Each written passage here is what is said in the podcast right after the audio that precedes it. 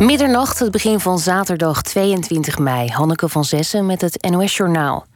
In Amsterdam zijn meerdere mensen op straat neergestoken. Dat gebeurde in de omgeving van de Ferdinand Bolstraat in het stadsdeel Oud-Zuid. Er is ook een verdachte aangehouden. Meer is nog niet bekend. De politie komt later met meer informatie. Kalkoenen op een bedrijf in Weert hebben vogelgriep. Het gaat waarschijnlijk om een ziekteverwekkende variant, zegt het ministerie van Landbouw. De 13.000 dieren worden gedood. Ook 66.000 kippen van een bedrijf dichtbij worden geruimd. In de buurt zijn nog zeven andere pluimveebedrijven. Er wordt onderzocht of daar ook dieren zijn besmet. In een straal van 10 kilometer rond het bedrijf met vogelgriep in Weert mogen voorlopig geen kippen, kalkoenen, mest en eieren worden vervoerd. Er zijn opnieuw twee mensen aangehouden in het onderzoek naar de vergismoord op een klusjesman van 49 uit Nijmegen. Het zijn twee mannen uit Amsterdam van 20 en 32 jaar. Ze worden verdacht van betrokkenheid bij de moord. Eerder werden daarom al twee andere verdachten opgepakt. De klusjesman werd vorig jaar juli ochtends in het centrum van Beuningen onder vuur genomen. In El Salvador is bij een huis van een voormalige politieofficier een massagraf gevonden, waarin mogelijk 40 lichamen lagen, vooral van vrouwen. 24 lichamen zijn inmiddels geborgen. In verband met de zaak zijn 10 mensen aangehouden, onder wie de voormalige politieman. De autoriteiten in El Salvador denken dat de oud-politieman lid was van een bende die vrouwen misbruikte en vermoordde. Amerikanen kunnen binnenkort in dating-apps zien of iemand gevaccineerd is via een soort embleem in het profiel. Op onder meer Tinder, Match en Bumble kunnen mensen die al een coronaprik hebben gehad dan ook voordelen krijgen. Bijvoorbeeld toegang tot functies in de app die normaal geld kosten. De voordeeltjes voor gevaccineerden zijn onderdeel van een samenwerking met het Witte Huis. Het weer het gaat vandaag op steeds meer plekken regenen. Blijft stevig waaien. Morgen ook nog wat buien, later wat zon en zo'n 14 graden. Dit was het NOS Journaal. NPO Radio 1. VPRO. Nooit meer slapen.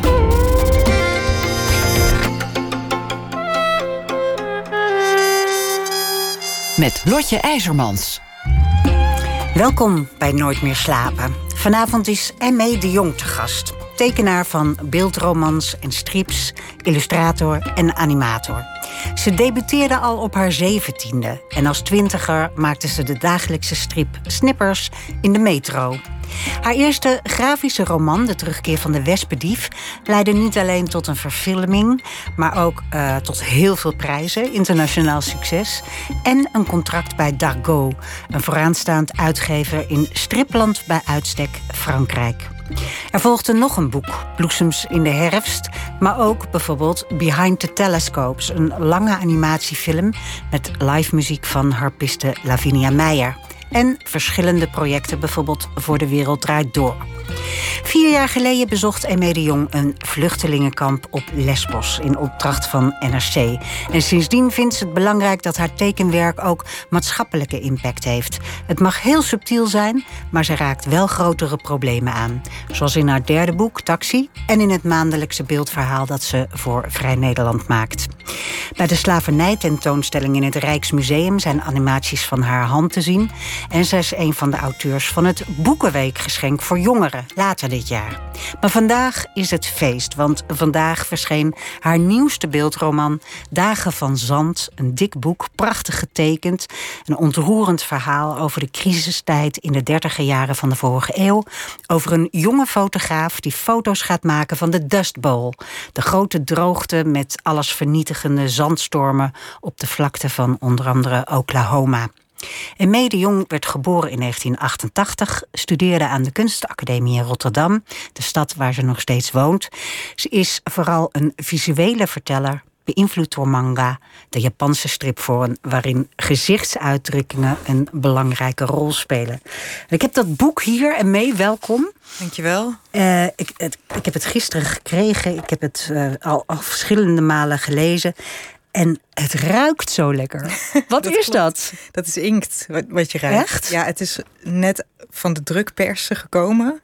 En het, uh, de boeken plakken nog een beetje aan elkaar. Van, ja, gewoon van dat drukproces van die inkt. En, het ruikt gewoon heerlijk. Ja. Komt dat door die gekleurde inkt? Want normale boeken hebben dat niet, boeken met letters. Ja, het is een, uh, het is een verhaal in kleur. Dus elke pagina zit vol met allemaal verschillende kleuren inkt. Ja. En ik denk dat het daardoor komt, ja. Zou best kunnen. Het ruikt echt heerlijk. Ja. Vertel, de Dust Bowl. Waarom is dat een onderwerp wat een Nederlandse jonge vrouw zo aanspreekt... dat ze hier jaren mee bezig is geweest? Want ik neem aan dat je er jaren mee bezig bent geweest. Ja, dat klopt. Ja, zo'n drie jaar denk ik in totaal. Dus echt wel een, eh, flink lang. Ja, als ik, als ik terugdenk van waar is dat nou begonnen, die fascinatie voor dat onderwerp, dan, dan denk ik dat het zo'n vier, vijf jaar geleden begon bij een foto uit die tijd, dus uit de jaren dertig. Uh, een hele heftige foto, zwart-wit natuurlijk, van een, een prairie of een soort van verlaten landschap met hele kleine huisjes en daarachter een enorme stofwolk, een soort, een soort golf van stof en zand. En die foto was zwart-wit, maar, maar ik kon gewoon dat, dat zand voelen op mijn huid bijna als ik er naar keek. En ik vond het gewoon uh, heel fascinerend. Ik ben natuurlijk een tekenaar, dus als ik iets zie wat, wat visueel mij iets doet, dan denk ik al heel gauw van dit wil ik tekenen. Ja. en dat gevoel had ik echt bij die foto. Dus daar, daar is dat uh, begonnen. En toen ben je op onderzoek gegaan, want je, je zegt een golf van zand, maar het is echt een tsunami van zand. Hè? Het is de huizen hoog. Ja, het was echt. Uh, het was ook iets wat ze in die tijd nog nooit gezien hadden.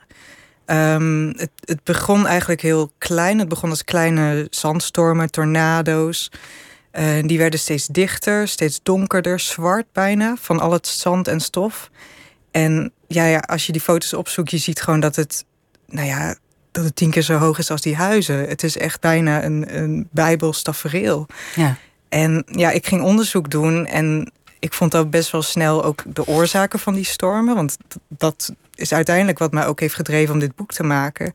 Uiteindelijk gaat het om uh, klimaatverandering. En het gaat eigenlijk om klimaatverandering door mensenhanden veroorzaakt. Um, het kwam door de boeren, hè? Eigenlijk, ja, eigenlijk wel. Het is, het is best wel een genuanceerd verhaal, maar om het samen te vatten, er, er waren in het midden van de Verenigde Staten heel vaak droogtes en heel vaak lange perioden zonder regen. En dat ging eigenlijk altijd wel weer voorbij. Het ging eigenlijk altijd goed, omdat er gewoon uh, heel veel grasland was. En dat gras, dat houdt eigenlijk met de wortels, het zand en de grond ja, op zijn plaats. Op zijn plaats. En op het moment dat in het begin van de 20e eeuw de boeren kwamen in, in dat gebied... en die gingen alles omploegen, met ook tractoren hè, en, en echt uh, heftige in, industrie in die tijd ja, toen is eigenlijk al dat gras weggegaan en het stof had gewoon vrij spel. Dus op het moment dat er toen weer een droogte kwam en bij het minste zuchtje wind ging gewoon alles de lucht in. En uh, nou ja, dat was het begin van de daspel. En nou ja, als je er nog meer induikt, wat ik dus heb gedaan, dan wordt het eigenlijk alleen maar fascinerender. Dus uh, ik kon het op een gegeven moment ook niet meer loslaten. Het was vooral in Oklahoma, maar ook uh, in andere staten zoals Texas en Kansas en nou, Colorado volgens ja, mij. Ja, hè? ja. Jij, jij bent, toen die fascinatie er eenmaal was, ben je ook daar naartoe gegaan. Want je dacht, ik ga dit, uh, dit boek van 288 pagina's maken. ik moet echt alles helemaal precies weten. Het is voor jou belangrijk hè, om heel realistisch te tekenen hoe het echt was. Ja, ja, ik vond sowieso online dat er weinig te vinden was. Eigenlijk over die uh, over die plekken of zo. Ik, ik, bedoel, je kan natuurlijk op Google Street View kan je heel veel vinden. En je kan in Google Images heel veel vinden. Maar uh, ik had het gevoel van ja, dit, dit zijn maar plaatjes of zo. Ik voel het nog niet. En ik was ook nog bang dat de mensen die daar wonen op dit moment, ik bedoel, als die dat boek lezen, die moeten wel het gevoel hebben van dit, dit klopt. Of deze persoon is daar echt geweest of zo. Um, ja, ik bedoel, als je een, een Amerikaan hebt die een boek over Nederland gaat maken en hij is er nog nooit geweest, dan weet je ook wat er gebeurt. Dan gaat het alleen maar over molens en tulpen. Dus ik dacht, ja, ik moet dat voorkomen. Ik moet voorkomen dat ik in een soort van clichés ga denken van, uh, van die roestige windmolens en zo. Dat, dat mm -hmm. wil ik helemaal niet. Ik wil gewoon dat het klopt. En, en ik moet zeggen, ik had al een soort van scenario toen ik naar Amerika ging. Nou, dat kon ik meteen weggooien. Oh ja? toen ik daar eenmaal was. Ja, want er klopte gewoon, uh, nou ja, er klopte wel wat van. Maar het meeste, nou ja, dat, uh, dat had ik niet kunnen verzinnen. Wat, wat heb je ontdekt daar tijdens je reis, waardoor je heel anders bent gaan kijken naar dat onderwerp? Ja, het zijn heel veel verschillende dingen. Het zijn soms visuele dingen. Dus bijvoorbeeld het feit dat je, als je daar rijdt door Oklahoma en Texas, dat je bijvoorbeeld de hele tijd tumbleweeds hebt. En dat zijn van die dingen die je dan uit films kent. Leg even uit wat een tumbleweed is. Nou, eigenlijk is een tumbleweed is een, een, een bosje gras, uh, gedroogd gras, gedroogde takken, die door de wind eigenlijk overal worden meegenomen en daardoor een soort ronde vorm krijgen. En die rollen dus ook, die springen eigenlijk over de weg heen. Um, en ik zat daar dus in de auto, ik reed over de weg en dan soms moest je ze echt ontwijken. Zo, zoveel waren het er. En ze blijven dus ook steken in uh, de hekken bijvoorbeeld met prikkeldraad. En dat was een beeld, ja, dat, dat, zag je gewoon overal daar. En dat heb ik meteen opgeschreven en meteen in het boek ook gestopt. Want ja, voor mijn gevoel hoort dat gewoon bij, bij die plek. En ik denk dat de mensen die daar wonen, die dat, nu dat boek zien, die denken van, ah ja, ze is er geweest. Ja. ze kent het Zo'n zo rollende takkenbos, zo'n tumbleweed, is ook echt een, een soort symbool voor uh, desolaat landschap. Ja, toch? dat is het. Ja, ja, ja. ja, je ziet het vaak in van die western films ja. en zo. Ja. En dan, ja, het, het, ik weet niet, voor mijn gevoel was het altijd een beetje een soort karikatuur of zo van dat gebied. Maar het, het klopt dus gewoon. En uh, nou ja, dus dat was een van de dingen. En ik heb heel veel dieren gezien die ik er niet verwachtte. Dus bijvoorbeeld uh, de gaffelbokken, wat een soort antilopes zijn. Ja. Dat je denkt van nou, die, die leven alleen in Afrika op de steppen. Maar uh, die woonde ook in Oklahoma.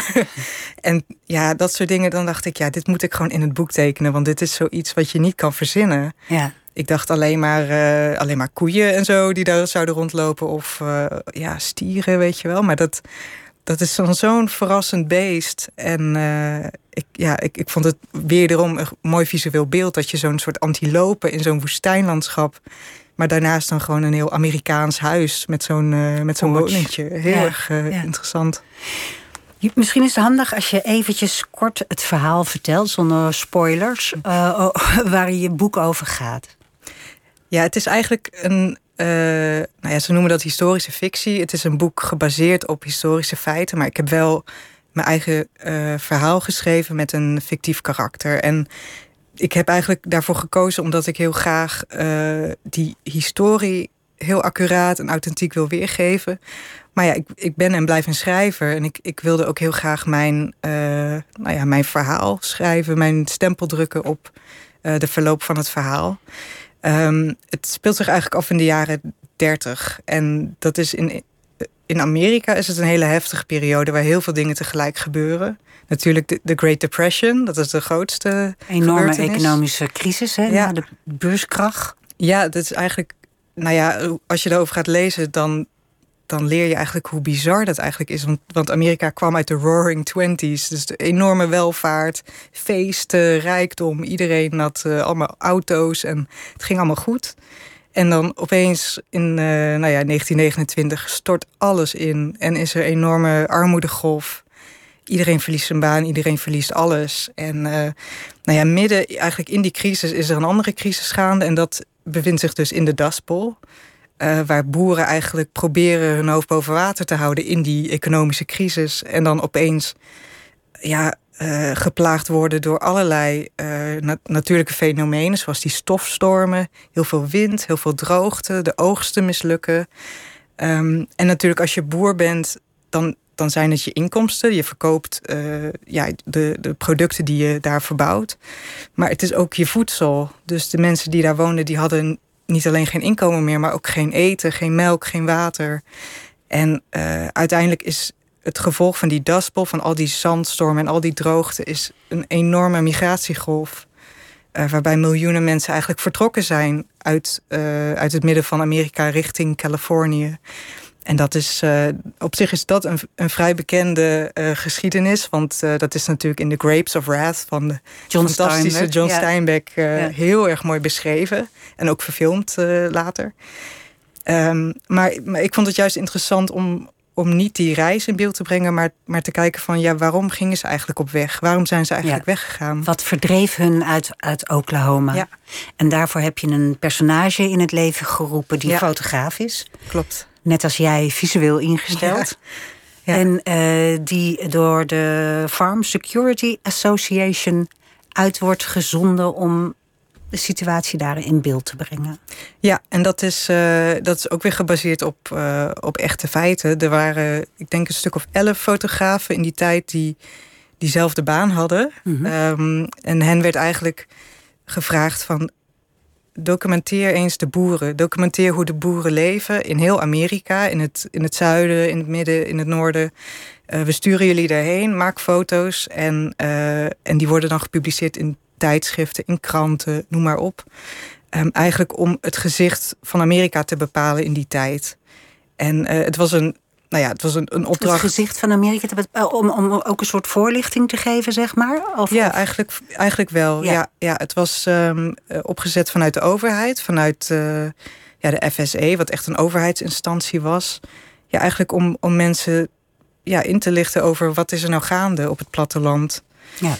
Um, maar uiteindelijk is dat een fantastisch uh, historisch document geworden met fantastische foto's die, nou ja, ze zijn zwart-wit, maar ze doen zoveel nog steeds. Het zijn gewoon kunstwerken. Um, een paar van die foto's die zijn gewoon iconisch geworden, zoals de, de Migrant Mother van Dorothea Lang, fantastische ja, dus een hele, hele beroemde foto van een, een moeder die echt vertwijfeld in de verte kijkt eigenlijk. Uh, en aan beide kanten zie je uh, twee kleuters eigenlijk met hun rug naar de camera toe. Ja. Dus je ziet vooral die moeder en haar getormenteerde gezicht. Ja, het is echt een. Die foto gaat door merg en been. Het is een soort, een soort Mona Lisa eigenlijk. Een soort heel, een heel klassiek beeld van een moeder met een kind. Wat, wat natuurlijk al nou ja, in alle tijden uh, symbool Madonna. staat voor de Madonna. Ja. ja. En die foto, dat, uh, ik, ik denk dat die foto eigenlijk de FSC het meest bekend heeft gemaakt. En dat hele fotografieprogramma. Um, en ik heb dus ook gekozen voor zo'n fotograaf, omdat ik dacht, ja, het, het is wel mooi als je als lezer met zo'n fotograaf meegaat op reis. En eigenlijk net als hem door een soort lens moet kijken naar die arme boeren in Oklahoma. Uh, dus dus je, er is een afstand, er is een soort verwondering nog steeds bij hem ook. Uh, hij leert op elke pagina iets nieuws. Hij moet het allemaal nog ontdekken. Hij is en, en dat is eigenlijk, ja. dat is eigenlijk net als de lezer. Dus, dus het, het trekt je echt mee in dat verhaal. Ja, het, en hij maakt ontroerende dingen mee. Um, uh, met mensen met wie hij toch verbonden raakt. Maar hij. Um, hij vraagt, stelt eigenlijk ook vragen over het wezen van de fotografie. Namelijk, uh, in hoeverre mag je manipuleren? Hè? Zoals die Dorothea Lang uh, foto, waar we het net over hadden. Die kindjes die hun gezicht afgewend hebben van de camera. Dat is regie geweest van de fotograaf. Ja. En uh, dat versterkt het dramatische effect van de moeder. En hij komt eigenlijk ook op dat punt dat hij dat soort aanwijzingen geeft aan, aan de mensen. Maar dat, hij vindt dat moeilijk. Ja, ja en het, is eigenlijk een dilemma wat ik zelf ook wel heb gekend. Want het, het, natuurlijk wil je als journalist of als fotograaf de werkelijkheid weergeven. Of zo dicht mogelijk bij die werkelijkheid zitten. Maar zo iemand als Dorothea Lang heeft er dus voor gekozen om bepaalde aanpassingen te doen in die werkelijkheid die zij in haar lens zag. En, en de reden daarvoor is omdat zij dat beeld sterker wilde maken. En het is juist door die regie dat dat beeld zo vereeuwigd is uh, geworden natuurlijk. Kijk, als zij de, de allereerste foto had genomen toen zij die vrouw langs de weg zag zitten, dan was die nooit zo bekend geworden. En, uh, en de vraag die ik eigenlijk in dat boek stel is: in hoe ver mag je gaan daarmee? Mag je echt dingen bijvoorbeeld verplaatsen in een scène? Mag je mensen aanwijzingen geven om op een bepaalde manier te gaan zitten? Um, wat een, een, interessant voorbeeld wat ook in het boek voorkomt, is de, ja, de, de schedel van Arthur Rothstein. En Arthur Rothstein, dat was ook een fotograaf in hetzelfde programma, die op een gegeven moment uh, de opdracht kreeg om de droogte in, in South Dakota te fotograferen. En hij vond een, een, een soort stierenschedel, al helemaal kapot en, en verweerd. En hij dacht, ja, ik ga hier een foto van maken, want dit geeft die droogte weer. Hij maakt die foto, maar hij ziet dat dan de ondergrond uh, gras heeft. Een beetje zo, ja, het, het, gewoon een weiland. En verderop ziet hij een stukje met uitgedroogde, gekraakte grond. Met van die lijnen erin. Met van die, ja, ja, inderdaad. En hij denkt, nou, ik pak die schedel op en ik leg hem op dat stuk grond. En dan maak ik nog een foto. En die foto is uiteindelijk in de krant verschenen. En het is natuurlijk een soort van clichébeeld van zo'n ja, zo'n schedel en dan op van die verdorde grond. En het werkt gewoon heel goed. Maar op een gegeven moment werd, werd door een andere krant uh, werd opeens uh, die andere foto gevonden met dat gras. En zij zeiden toen van ja, hallo, als alle foto's zo gemanipuleerd zijn, welke kunnen we dan nog uh, geloven?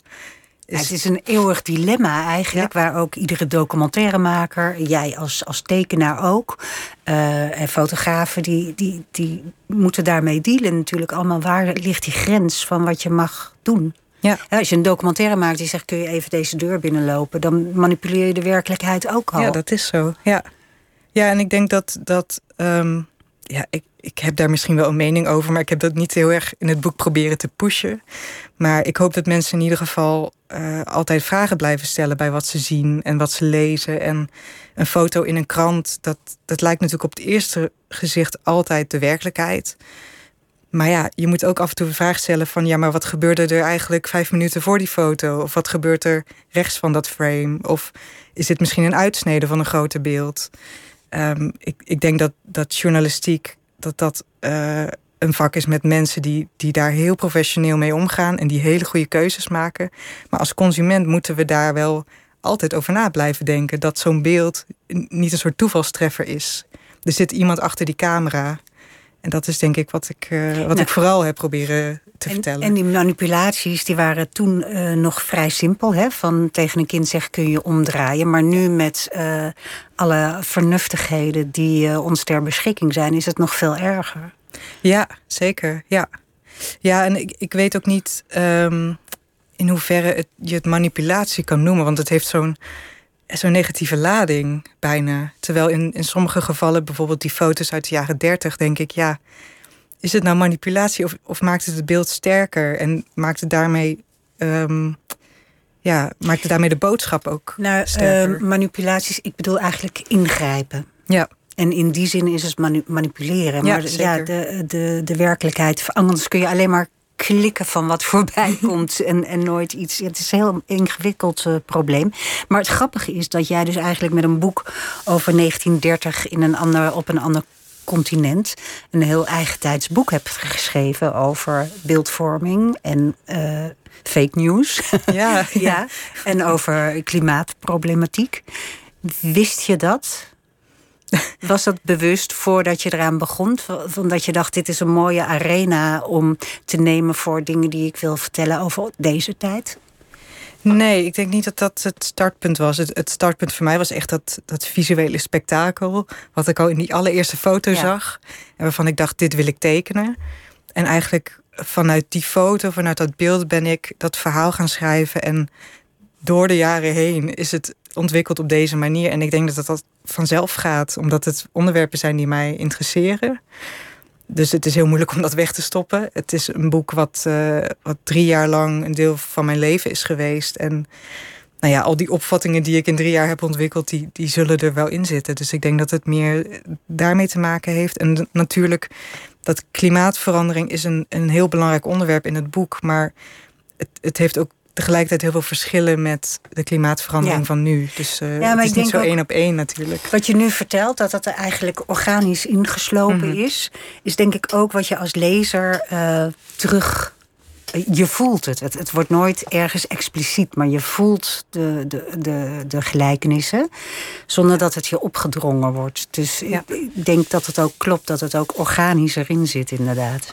Um, ik wil nog even terug naar het visuele, want het boek ziet er schitterend uit in, in, in veel oranje en, en uh, zinderende kleuren, zou ik maar zeggen. Ja. um, dat stof, dat, dat zand, of je hebt stof en je hebt zand toch? Ja, klopt. Ja. En aan de kleur uh, van de storm konden ze zien waar die vandaan kwam. Ja, ja, op een gegeven moment, uh, in het begin was dat natuurlijk niet zo. De stormen die waren soms grijs, soms een beetje rood, dan weer oranje. En dat had voor de boeren in, in Oklahoma en, en die omgeving niet veel betekenis. Maar op een gegeven moment kwamen ze erachter dat als een storm vanuit Canada kwam, dat hij een bepaalde kleur had. En als hij uit Kansas kwam, had hij een bepaalde kleur. En op een gegeven moment noemden ze het ook zo. En zeiden ze, oh, we have a visitor from Kansas. En dan konden ze al zien aan de kleur waar die, uit welke, ja, uit welke andere staten die kwam. En dat was gewoon, de, kleur kwam door het zand wat werd meegenomen tijdens die reis van die storm. En dat was de ene keer was dat wat rooier van kleur en dan weer wat geler. Um, uiteindelijk werden bijna alle stormen, echt die heftige stormen, die werden helemaal zwart. En ze noemden dat ook ja, black blizzards. Dus echt ja, zwarte uh, orkanen. En dat, dat- de mensen hadden ook echt gasmaskers op en zo. Hè? Het ja, was- ze, nou, ze moesten echt- inderdaad... Vaak hadden ze het soort van theedoeken over hun eh, gezicht. Eh, wat ook weer een bizarre parallel is nu met al die mondkapjes. Ja. Dat ik weer dacht van, oh, echt weer, eh, echt weer zo'n parallel die ik niet had voorzien. Maar iedereen had een soort van theedoek over zijn gezicht. Vaak van die, van die brillen om hun ogen te beschermen. Ehm, en ja, ook ze zeiden wel eens, als je dan verdwaald raakte in zo'n storm, dan was de kans dat je er levend uitkwam eigenlijk heel klein. Want je, je kreeg gewoon door, door die dichtheid en, en al die wind, werd je gewoon helemaal gedesoriënteerd. En je wist gewoon niet meer waar je naartoe moest. Soms was het zicht was een meter maximaal. En, en verder dan dat kon je gewoon niet zien. En heel veel mensen werden ook heel ziek van dat stof. Ja, ja. en dat, eh, dat had ook een naam. Op een gegeven moment hebben ze dat de dust pneumonia genoemd. Wat in het Nederlands... In het Nederlands zou je dat vertalen als stoflongen, maar dat heeft eigenlijk een, een andere... Stoflongontsteking. Ja, stoflongontsteking is Ja. het eigenlijk. Ja. Ja. Ehm, ja. Er is ook een liedje over geschreven. Want, Woody Guthrie, de, een van de aartsvaders van, van de folk... en eh, grote invloed op Bob Dylan en dat soort mensen... die heeft een heel album uitgebracht met eh, Dust Bowl ballads. Ik wil heel graag met je praten, dus ik wil het niet helemaal laten horen... maar een klein stukje van die eh eh, stof longontsteking blues. I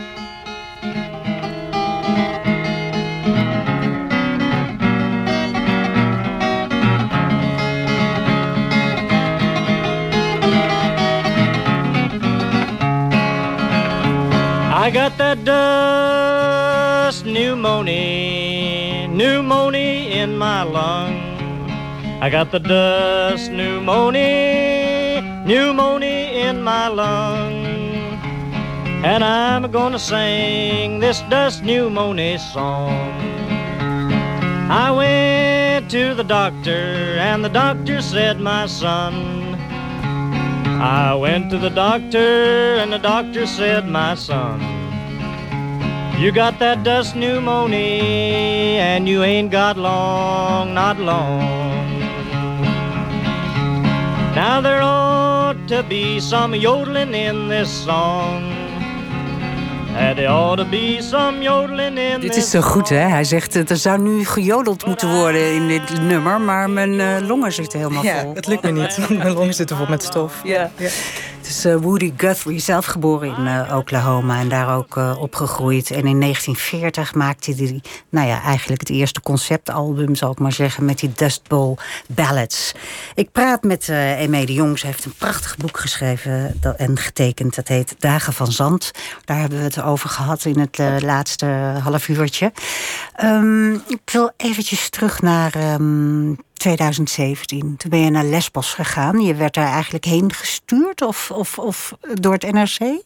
Nee, het was eigenlijk eh, andersom. Ik had, ik had zelf eigenlijk dat idee opgepakt. Eh, een vriendin van mij was naar Lesbos gegaan om vrijwilligerswerk te doen eh, in de vluchtelingenkampen.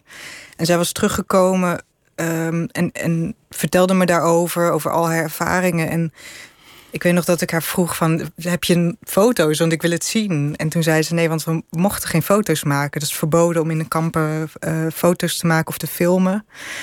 En ik, ik weet nog dat ik toen dacht van... ja, maar mag je het dan wel tekenen? Als je daarheen gaat met een schetsboekje... mag je dat dan wel vastleggen? En eh, toen heb ik eh, bij NRC aangeklopt en gevraagd van... zou het interessant zijn om een tekenaar naar Lesbos te sturen... en een document te maken, een visueel document... van een plek die niet gefotografeerd mag worden... En daar waren ze eigenlijk meteen heel enthousiast over. En ja, ze hebben me enorm gesteund in dat hele project. En eh, ik heb toen twee eh, partners in crime gevonden. Twee andere tekenaars die, die ik ook mee wilde hebben als een soort van mentale ondersteuning. Want ik wist dat het heftig ging worden. Dus ik was ook heel blij dat ze meegingen. Dat waren Judith van Istendaal en eh Melien Nieuwland. Dus met z'n drieën zijn we daar naartoe gegaan. Een hele bijzonder, bijzonder idee. Want ja, het tekenen is natuurlijk het allereerste wat de mens deed. Om zich te uiten, toch? Tekenen, muziek. Ja, ja. Ja. Het is, het is de oudste vorm van communicatie. Het is, eh, ja, wat, nu nog in grotten wordt teruggevonden, dat zijn de tekeningen. Ja. En eh, ik heb tijdens die reis ook vooral geleerd dat het een, een ja, een gereedschap is om contact te leggen met mensen die je taal niet spreken. Ja, want hoe ging dat? Jullie kwamen daar aan met z'n drietjes. Uh, jullie waren in Karatepe. Ja. Niet in het, uh, het meest afschuwelijke kamp. Hè? Dit, dit, dit, is een wat veiliger kamp, gelukkig. Ja, ja Karatepe was eigenlijk het, het, uh, het kamp waar de families zaten. Dus de, de vrouwen met kinderen, jonge kinderen, maar ook de, de meer kwetsbare personen. En dat, nou ja, dat is een hele brede term. Er waren allemaal verschillende redenen waarom mensen kwetsbaar waren. Maar het was eigenlijk een, een kamp waar iedereen een, een container had om in te slapen, een stapelbed. Er was water, er waren um, toiletten. En dat klinkt allemaal heel basic, maar in het andere kamp, Moria, was dat er bijvoorbeeld niet. Nee. Dus uh, daar sliepen mensen in tenten op de grond en nou ja, geen stromend water, uh, noem maar op. En Karatepe, dat was zelfs een kamp waar wifi was. Dus dan kan je je voorstellen dat dat toch wel het, het nou ja, iets luxere kamp uh, was. Maar alsnog uh, moet ik ja, zeggen dat het. Aan? Uh, nou, wat ik vooral aantrof waren mensen die zeer getraumatiseerd waren. En die heel vaak onder de verdovende middelen zaten. Niet omdat ze verslaafd waren, maar omdat ze anders niet uh, hun bed uitkwamen. Gewoon om, om de dag door te komen eigenlijk. Antidepressiva. Antidepressiva, ja. verschillende medicatie. En de kinderen die ik zag, die waren uh, of heel agressief of heel stil. Dat ze gewoon echt niks zeiden. Um, heel aanhankelijk. Dus wij kwamen het kamp binnen en de kinderen ja, renden gewoon naar ons toe en pakten onze handen en wilden met ons knuffelen en wilden dat we ze oppakten. En uiteindelijk, wij vroegen de vrijwilligers daarvan, waarom doen ze dat? En ook dat heeft allemaal weer te maken met een soort bindingsangst, met de, met de trauma's uit het verleden, wat ze hebben meegemaakt in Syrië en Afghanistan. Um, gewoon hele instabiele mensen eigenlijk. En nou ja, wij zijn er zeven dagen geweest. En eigenlijk hoe langer je daar bent, hoe meer je ziet wat, uh, wat oorlog met iemand doet. Ja. Hoe reageerden mensen op, uh, op, op drie jonge vrouwen uit Nederland die daar met uh, schetsblokjes uh, hun aan tekenen waren? Ja, nee, wij waren heel populair. wij waren, nou, op een gegeven moment hadden we ook besloten om, om, er maar niet meer, om het niet meer te verstoppen. We hebben gewoon onze potloodjes en schetsblokken in onze arm gehouden. Zodat tijdens ons verblijf dat, dat iedereen zag van, oh, dat zijn de tekenaars. Want soms kwam er gewoon iemand naar ons toe die zei van... kun je mij tekenen of kun je mijn vrouw tekenen... of een portret van mijn kinderen. En, en ook al spraken we elkaars taal niet... dan, dan kon je ook elkaar gewoon tekenen en aankijken... en even rustig zitten met elkaar. En, en er ontstonden heel vaak hele bijzondere momenten. Ik weet nog een vrouw die, die ook helemaal geen Engels sprak of zo... die gewoon voor mijn neus ging zitten. Ik denk dat ze een jaar of twintig was... En die op een gegeven moment haar hoofddoek afdeed. Want ze wilde per se met, haar, met Ja. haar haar op die tekening komen. En ik dacht, ja, maar dit is bijzonder. Want dat doen ze niet zomaar. Dat doen ze alleen als ze zich heel veilig voelen bij iemand. Ja. En eh, ja, ik, ik vond dat gewoon heel erg bijzonder. Ik heb het gevoel dat ik, dat ik heel dicht bij die mensen heb gekomen, ben gekomen zonder een woord met ze te spreken. Ja. En ik vond het ook heel emotioneel om weer weg te gaan na zeven dagen. Ik had echt eh, nou ja, tranen in mijn ogen eigenlijk. Eh, terwijl het is zo'n het is zo'n bizarre Omdat jij weg kon. Ja, Ja. Ik, ik had een vliegticket. Ik kon gewoon terug naar huis. Ja. En eh, ja, we hadden alle drie eigenlijk, toen we thuis kwamen, eigenlijk het moeilijkste moment. Dat je dan het probleem van dat privilege heel erg voelt. Van, van een soort oneerlijkheid. Van wij hebben gewoon een warme douche thuis. We hebben een dak boven ons hoofd. Maar ja, waarom eigenlijk? Ja. Ja, ja. wat hebben wij eigenlijk gedaan om dit te verdienen? Nee, ja, totale willekeur natuurlijk. Eh, je hebt dan een heleboel schetsen gemaakt. Ik heb het verhaal gezien. Het, het is prachtig. Eh, hoe, hoe, hoe ga je dan te werk? Je, hebt, je, je komt thuis met die schetsjes en dan? Ehm, nou, het, het begint altijd met schetsen. Het begint altijd met eh, kleine tekeningetjes, kleine notities. Ik probeer eigenlijk al vrij snel een opzet voor de strippagina's te maken. En dat zijn hele ruwe schetsen, dus bijna onleesbaar. Maar voor mij werkt het om het gewoon even op papier te zetten. Ehm, vaak na die schetsfase ga ik direct naar de computer. eh, en op de computer teken ik. Je ja, tekent altijd op de computer? ja, eigenlijk wel. Ja, ja dat is eh, eigenlijk vanaf mijn 14e, 15e doe ik dat al. Dus het is gewoon mijn tweede natuur. Ik heb een, een tekentablet en ik kan dan digitaal werken. En het, het is heel erg fijn omdat je op een computer eh, in de software die ik heb, kan je dingen bijvoorbeeld verplaatsen of vergroten of verkleinen. Eh, je kan het eventjes wegzetten en dan weer terughalen. Het, het is gewoon veel makkelijker om, om te puzzelen eigenlijk dan op papier. Dus, dus op die manier wordt dat verhaal langzaam maar zeker opgebouwd. Ja, dat heeft dezelfde voordelen als een tekst verwerken voor een andere schrijver. dat je eventjes kan met alinea's kan slepen. en dat zien. Ja, ben je inderdaad, ik zei dat in de inleiding, dat je sinds die tijd toch iets uh, geëngageerder bent gaan werken. Klopt dat? Ja, dat, dat, uh, ik kan dat wel heel duidelijk zien in mijn werk. Het werk voor dat bezoek aan Lesbos en het werk na dat bezoek aan Lesbos, dat is gewoon uh, heel erg anders. vanaf 2017 heb ik bijna alleen maar non-fictie gedaan. Uh, of het nou werk was voor musea bijvoorbeeld, voor ja, bijvoorbeeld Nationaal Monument Kamp Vught over de Tweede Wereldoorlog, de slavernijtentoonstelling voor het Rijks. Um, en de boeken die ik maak, bijvoorbeeld deze, Dagen van Zand, heeft ook een, echt een maatschappelijk thema, een historisch thema. ja. en, en wat was het dan op Lesbos wat jou zo, hè, wat echt ervoor en daarna heeft gecreëerd? Ja, ik, ik vind dat moeilijk te zeggen, maar ik weet nog dat ik op een gegeven moment een lezing deed over Lesbos op het Sint-Joost in Breda, dus een, kunstacademie.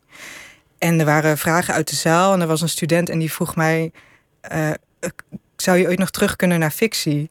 En toen dacht ik: Ja, dat is het eigenlijk. Dat, het zit allemaal in die vraag. Want ik, ik denk dat, uh, dat ik niet meer terug kan naar fictie. het is gewoon te, uh, te leeg of zo. Het, het mist iets. Het mist een dimensie. En het is juist het menselijke wat, wat, op, wat ik op Lesbos zag. Het is het, ja, het drama in het leven wat er is. Uh, de geschiedenis die er is geweest, die, die mij nu raakt. En het is iets wat, als ik nu een boek van alleen maar fictie zou maken, zou ik dat heel erg missen. Maar het boek wat, je net, uh, wat net vandaag verschenen is, is ook fictie. Alleen er zitten gewoon een aantal ankers in die het aan deze tijd verbinden. Ja. Is dat wat je nu nodig hebt? Ja, ik, ik heb dat nodig. Ja, ik heb een soort uh, link nodig met het nu of met de historie of iets. Iets wat ik. Uh, ja, ook iets waar ik in kan duiken. Iets waar ik um, ja, me in kan verliezen. En bijvoorbeeld dit boek, dat was voor mij ook, ook weer zoiets waar ik me helemaal in kon verliezen. Ik heb al die documentaires gezien, al die boeken gelezen, de, de films gezien. Ja, op een gegeven moment kom je bijna in een soort van tunnel terecht. Dat je nog meer en nog meer informatie wil verwerken. Het is gewoon eindeloos interessant. En, en alles wat ik, wat ik vond, dat, dat heeft ook weer invloed op hoe ik het nu zie. En het nieuws wat nu gebeurt. ja. En dat vind ik wel, dat zo'n boek mij dus ook heel veel kan geven en heel veel kan leren. En, en misschien dat dat is wat ik bij fictie uh, mis. Maar goed, zeg nooit nooit, want uh, misschien dat ik, dat ik binnenkort weer uh, ja, maar als je, als je dat, dat over Lesbos in het NRC, dat was eigenlijk getekende journalistiek, hè? Ja. Maar dat is toch ook weer niet helemaal de kant die je op wil, of wel? Nee, nee, omdat het. Uh, ik kwam er toen achter dat ik er dus niet goed genoeg mee om kon gaan. Dat het me te veel raakte eigenlijk. En uh, ik, ik heb daar gewoon. Wat merkte je dan? Nou ja, ik weet nog dat een van de dingen die ik in die kampen zag... was bijvoorbeeld dat de kindjes altijd te grote kleding hadden. Want het waren altijd kleding van de, nou ja, van de vrijwilligersorganisaties opgehaald ergens. Hè. Dus ze droegen dan schoenen die dan drie maten te groot waren... en rugzakken die veel te groot waren. En dus heel, dat weet ik nog heel goed. Echt zo'n visueel ding wat ik me nog herinner... dat die kinderen allemaal veel te grote kleren hadden. En als ik nu nog steeds op straat loop en ik zie... of in de supermarkt en ik zie een kindje met de grote kleren dan ben ik weer terug op Lesbos. En uh, ja, dat, ik bedoel, dat zegt genoeg, denk ik. Dat, het heeft me gewoon nog steeds niet losgelaten. En ik denk dat ik gewoon niet, uh, niet in de wieg ben gelegd voor journalistiek. Ik ben daar gewoon te veel, uh, te veel mee bezig nog steeds. En het, het is iets wat in het boek In Dagen van Zand eigenlijk uh, ook overkomt bij de, de hoofdpersoon. hij is in Oklahoma, hij moet foto's maken van mensen in armoede. En het, het overvalt hem. Hij kan dat ook niet verwerken. Hij, hij weet niet wat hij moet doen. Hij gaat aan alles twijfelen. En uh, het is eigenlijk wat dat betreft een heel persoonlijk boek geworden ook. Alle, alle vragen die hij zichzelf stelt, die, die heb ik mezelf ook gesteld. Ja, hij, hij is eigenlijk jouw, jouw alter ego wel in dit boek. Ja, ja dat zou je wel, uh, wel zo kunnen zeggen, ja. um, ja, je hebt natuurlijk vanaf het begin van je carrière heb je eigenlijk uh, zware onderwerpen behandeld. Hè? Um, uh, de dood in je afstudeerfilm ging al over de dood. Toen was je, hoe oud? 23, 24? Ja, ehm, de terugkeer van de wespendief. Een geweldige eerste graphic novel. Uh, gaat ook heel erg over de dood en over zelfmoord. Waarom is dat een, teken wat je, een thema wat je zo bezighoudt? Ja, dat, dat is een goede vraag. Ik denk dat dat. Uh, nou ja, ik ben altijd een, persoon geweest, of een, een, kind geweest en ook een tiener geweest die, die daarmee bezig was. Uh, ik heb helaas heel veel uh, dood in mijn leven meegemaakt. Heel veel mensen verloren ook, wat altijd een, een bepaalde indruk maakt. En bij sommigen meer dan anderen. Maar dat ja, wederom is iets wat mij moeilijk loslaat. Dus ik denk dat dat gewoon ook voor een deel levenservaring is. En, en, ja, interesse zou ik, zou ik het dus ook niet noemen. Maar het is wel iets wat me, wat me bezighoudt en waar ik ook niet voor wegkijk. Want dat personage, op, eh, die dus een beetje op jou gestoeld is in je boek, um, die moet op zijn reis in dit boek eigenlijk afscheid nemen van zijn uh, overleden vader. In wiens uh, voetsporen hij uh, treedt als fotograaf. Ja. En eigenlijk komt hij in de reis van, van dit boek komt hij uit bij wie hij zelf is. En hij kiest ook een andere naam. Ja. als ik die parallel doortrek, gaat, gaat, gaat het ook over jouw vader? Ja, dat, dat weet ik niet helemaal zeker. Want ik moet zeggen, nou, mijn vader is wel een uh, kunstenaar geweest. Hij heeft geschilderd en hij heeft uh, op een tekenacademie lesgegeven. Uh, maar ik moet zeggen, toen ik opgroeide als kind, was hij inmiddels geswitcht naar een, een andere branche. En dat was de IT-wereld. Dus hij programmeerde websites en computers. En maar hij was een creatief dus? Hij was zeker creatief. maar als ik, als ik terugdenk aan mijn vader, zie ik hem altijd zitten in een in een uh, kamertje in ons huis met, omringd met computerschermen en kabels en cd's op de grond en dvd's op de grond. En ja, echt een beetje zo'n nerdy, uh, nerdy type. En uh, dus dat, ik heb hem nooit echt zien tekenen of zo. Dat was eigenlijk voordat hij mij en mijn zus kreeg. Ik ben van de tweeling. maar goed, maar er waren wel schilderijen van hem in huis. Er waren wel tekeningen van hem in huis. Um, hij is helaas uh, overleden aan kanker toen ik 19 was. En dat, dat heeft natuurlijk een hele grote impact. En ja, ik, ik weet nog dat ik in mijn tienerjaren heel erg vaak me opsloot in mijn kamer. En alleen maar ging tekenen. gewoon toen, toen, was je vader al ziek? Ja, hij was heel lang ziek. ik denk vijf jaar, zoiets. Um, ja, dus ik, ik kan me gewoon van die tijd, van die puberteit alleen maar, of alleen maar heel, heel vaak herinneren dat ik gewoon op mijn kamer zat te tekenen. Ik denk dat zodra ik thuis kwam van school, ging ik op mijn kamer tekenen. Is tekenen voor jou dan ook een soort een veilig uh, huis? Ja, ja, zeker. Ja. Ja, ja, het is gewoon een, een uitlaatklep. Het is misschien een beetje cliché, maar dat was het wel in die tijd. En ik, ik ben toen ook in die jaren ontzettend vooruit gegaan qua tekenen. Ik ben toen heel snel uh, heel goed geworden. En ik had een soort voorsprong op, op mijn klasgenoten op een gegeven moment qua hoe, hoe ik tekende en wat ik tekende en de verhalen die ik schreef en maakte. Ja, in feite, als je, als je erover gaat nadenken, is het natuurlijk heel terug wat de reden daarvoor was. Het was gewoon het, het afsluiten van de, de werkelijkheid. Want, want je vader was ziek, je, je had ook een, ja. een moeder. Ja. Heb je nog steeds? Nog steeds, ja. Gelukkig. en een tweelingzus, dat was jullie gezin. Ja. En uh, je moeder was ook creatief? Ja, ze is heel creatief. Ja, ze is nu uh, boven, uh, bijvoorbeeld is ze heel veel aan het, aan het maken. quilts, bijvoorbeeld dekens, kussenslopen, ja, tassen. Echt van alles. En elke keer als ik bij haar langs kom, dan heeft ze weer iets nieuws gemaakt. het is echt heel creatief. Maar jij werd dus ook gestimuleerd door je ouders om te tekenen? Ja, nee, zeker. Ja.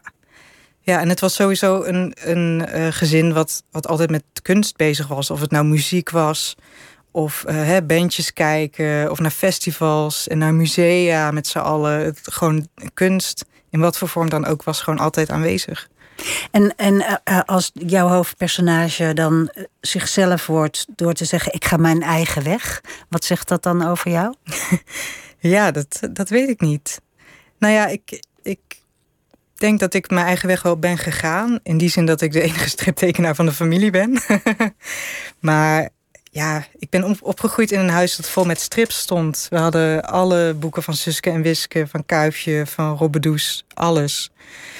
Um, dus wat dat betreft ben ik ook weer niet heel ver van die boom uh, gaan zitten. Ik, ik, ben nog steeds best wel dichtbij um, ja, bij wat ik in huis had toen ik opgroeide. Ja. En dat voelt ook wel fijn en vertrouwd en leuk. Ja. Je hebt het vaker uh, meegemaakt dat je, uh, dat je een boek schreef en dat je dacht: oh, eigenlijk gaat dit wel over mij, terwijl ik dacht dat het niet over mij ging. Hè? Dat was ook bij je, bij je eerste boek, uh, De Wespedief, waar het ook ging over pesten. Ja, klopt. Ja, nou ja, ik, ik had toen dat boek gemaakt. En een van de thema's is inderdaad dat, uh, nou ja, het gepest worden op de middelbare school, brugklas eigenlijk. Dus vrij jonge leeftijd en dan toch geconfronteerd worden met zoiets heftigs als, ja, als, als pestgedrag. En, uh, en ik had zelf niet het gevoel dat het over mij ging, omdat ik nooit gepest ben. Ik was wel misschien een beetje verlegen altijd, maar ik lag wel vrij goed in de groep. Ik, ik had nooit uh, vijanden of zo op scholen. Dus, dus ik dacht van, nou ja, dit, dit haal ik gewoon puur uit fictie en uit films en uit boeken of zo. Dit komt niet uit mijn eigen ervaring.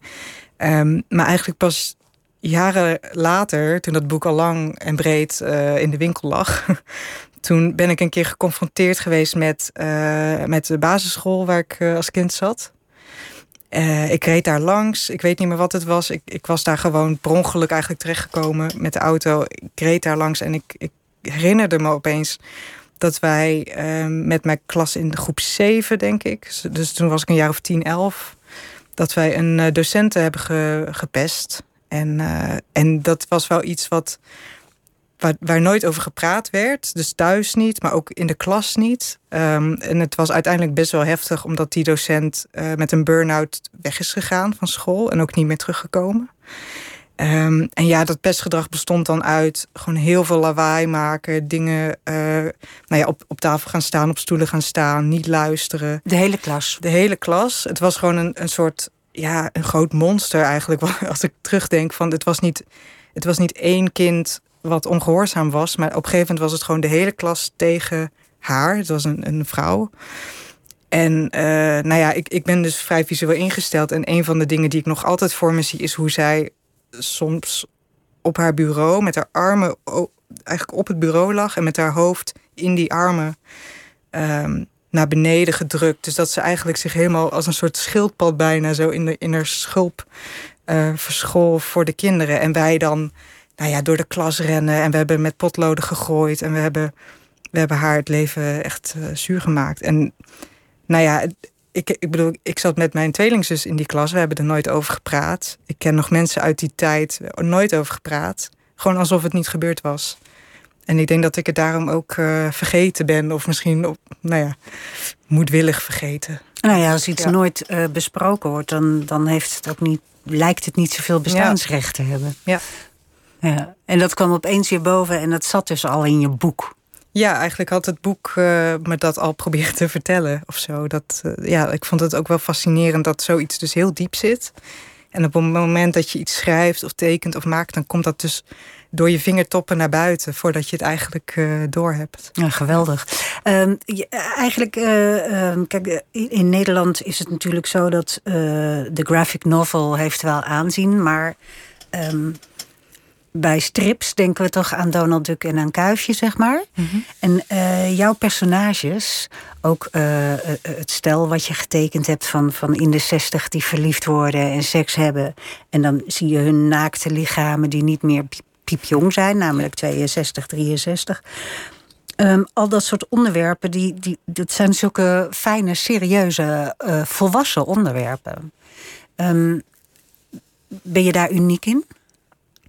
Nee, dat denk ik niet. Nee. Dus ik bedoel, ik ben een groot liefhebber van graphic novels. En ik moet zeggen dat er, uh, dat er fantastische boeken uitkomen. Ik, nou ja, je hoeft bijna geen film of roman meer te kijken. Want als je alleen maar de graphic novels leest, dan kom je ook wel aan je trekken. Ja. Ik bedoel, het, is, het, het gaat alle kanten op. Soms zijn het autobiografische verhalen, soms zijn het reisverhalen.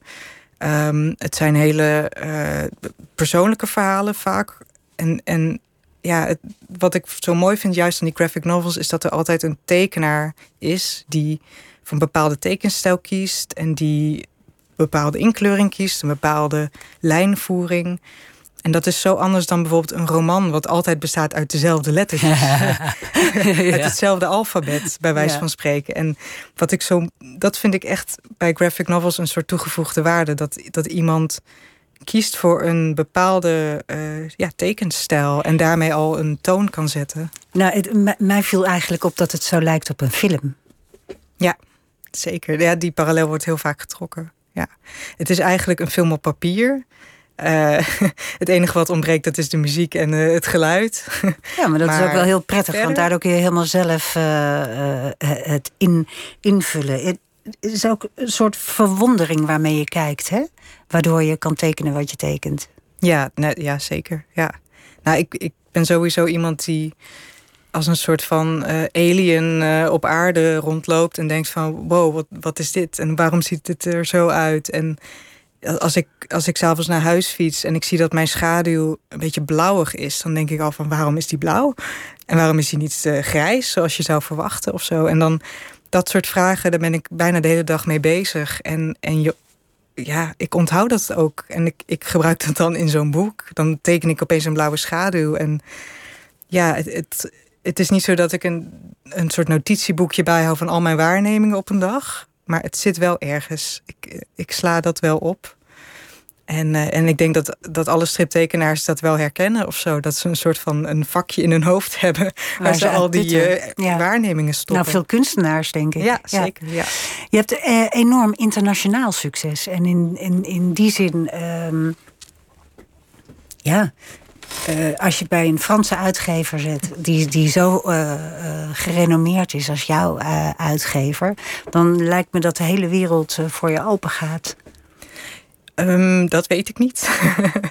het is natuurlijk. Het, het, voor mij is het een hele grote eer dat ik bij Dargo zit. Want Dargo, dat is de uitgever van bijvoorbeeld Lucky Luke, wat een van de bekendste strips ter wereld is. Blake en Mortimer, wat ook een soort monument is in de stripwereld. Um, en ik moet ook zeggen dat ik mezelf soms nog steeds moet knijpen hoor. En dat ik denk van ja, waarom zit ik hier? Is er niet iets fout gegaan of zo? Hebben ze een fout gemaakt en durven ze het me niet te vertellen? Of ja, het, is heel wonderlijk. En, uh, maar wat ik wel heel leuk vind, is dat Dargo, ondanks die, die klassieke strips die ze uitgeven, eigenlijk heel uh, vooruitstrevend is en heel experimenteel. En ze zijn nu vooral, de laatste paar boeken die ze uitgeven, zijn totaal verschillend. Sommige zijn ja, heel abstract en heel, uh, heel kunstzinnig bijna. Echt, echt dat je moeite moet doen om het te lezen. En andere zijn dan weer totaal een soort van commerciële, uh, ja, hele toegankelijke strips.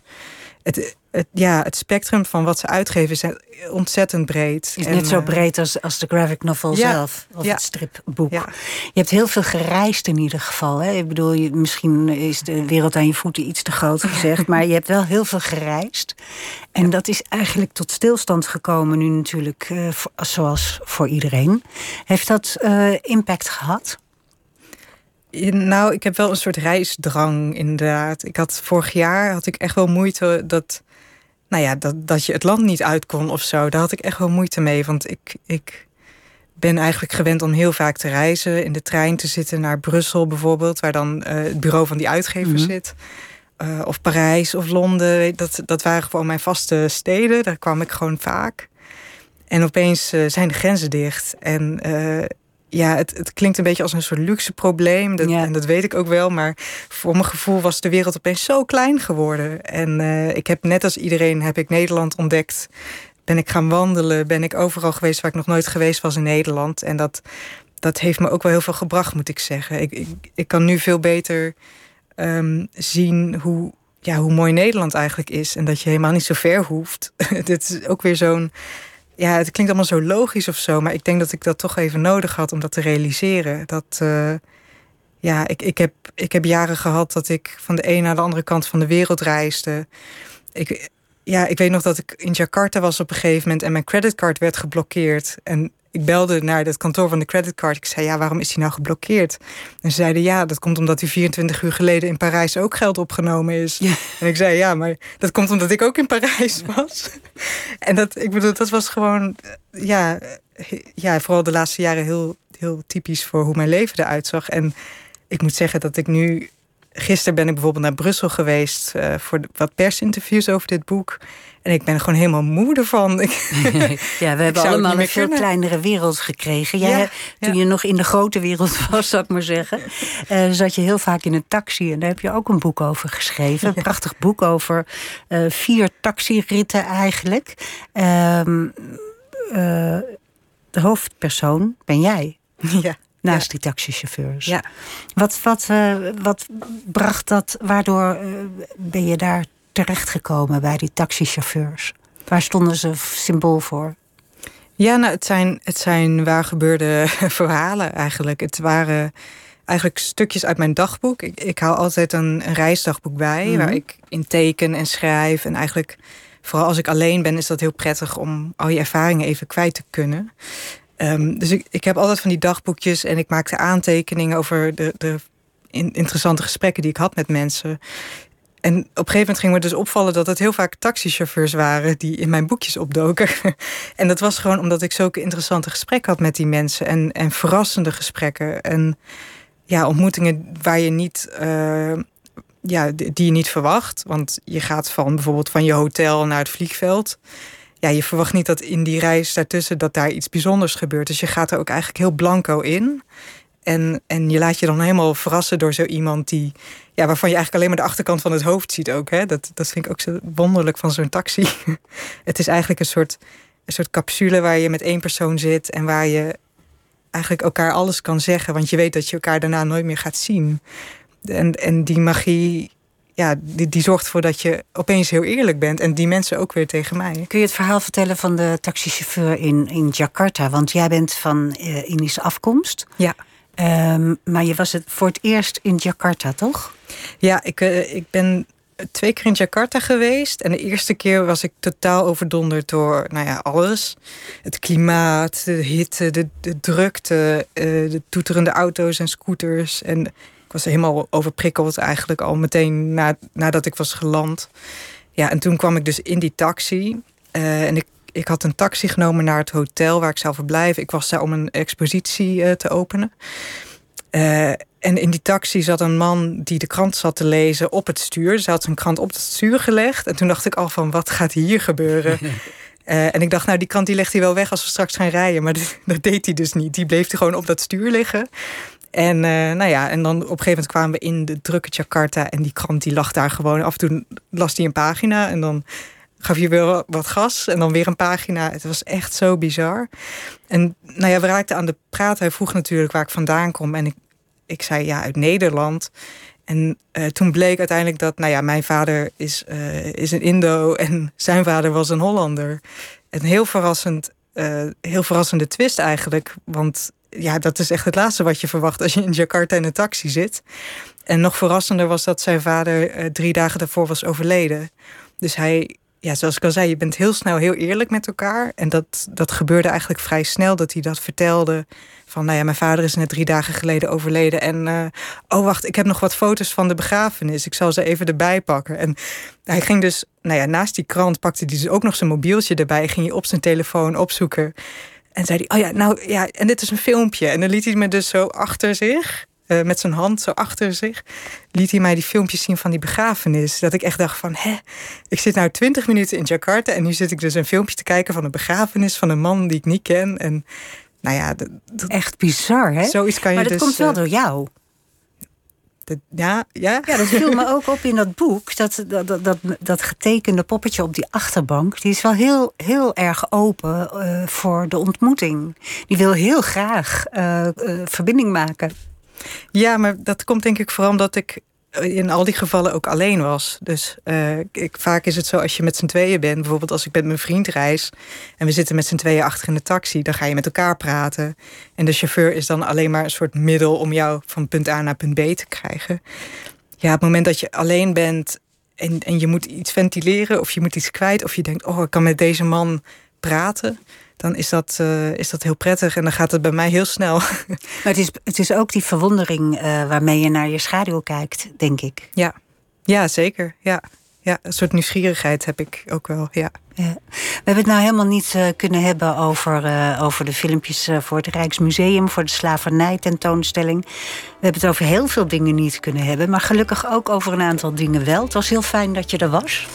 Dank je wel. Het prachtige boek van Eme de Jong, Dagen van Zand, ligt in de winkel. Maandag, dan zit ik er weer. En dan praat ik met uh, schrijver Hanna Bervoets. Niet alleen verscheen van haar hand een nieuwe verhalenbundel, een modern verlangen, maar ze schreef ook het Boekenweekgeschenk, wat wij zagen. En uh, door de corona is de Boekenweek uitgesteld. Maar het gaat nu toch gebeuren vanaf 29 mei. Dat dus maandag. En zo direct op deze zender Vink.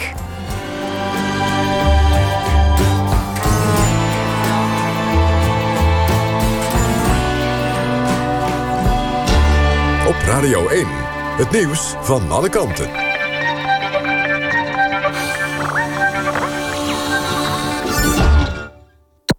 NPO Radio 1.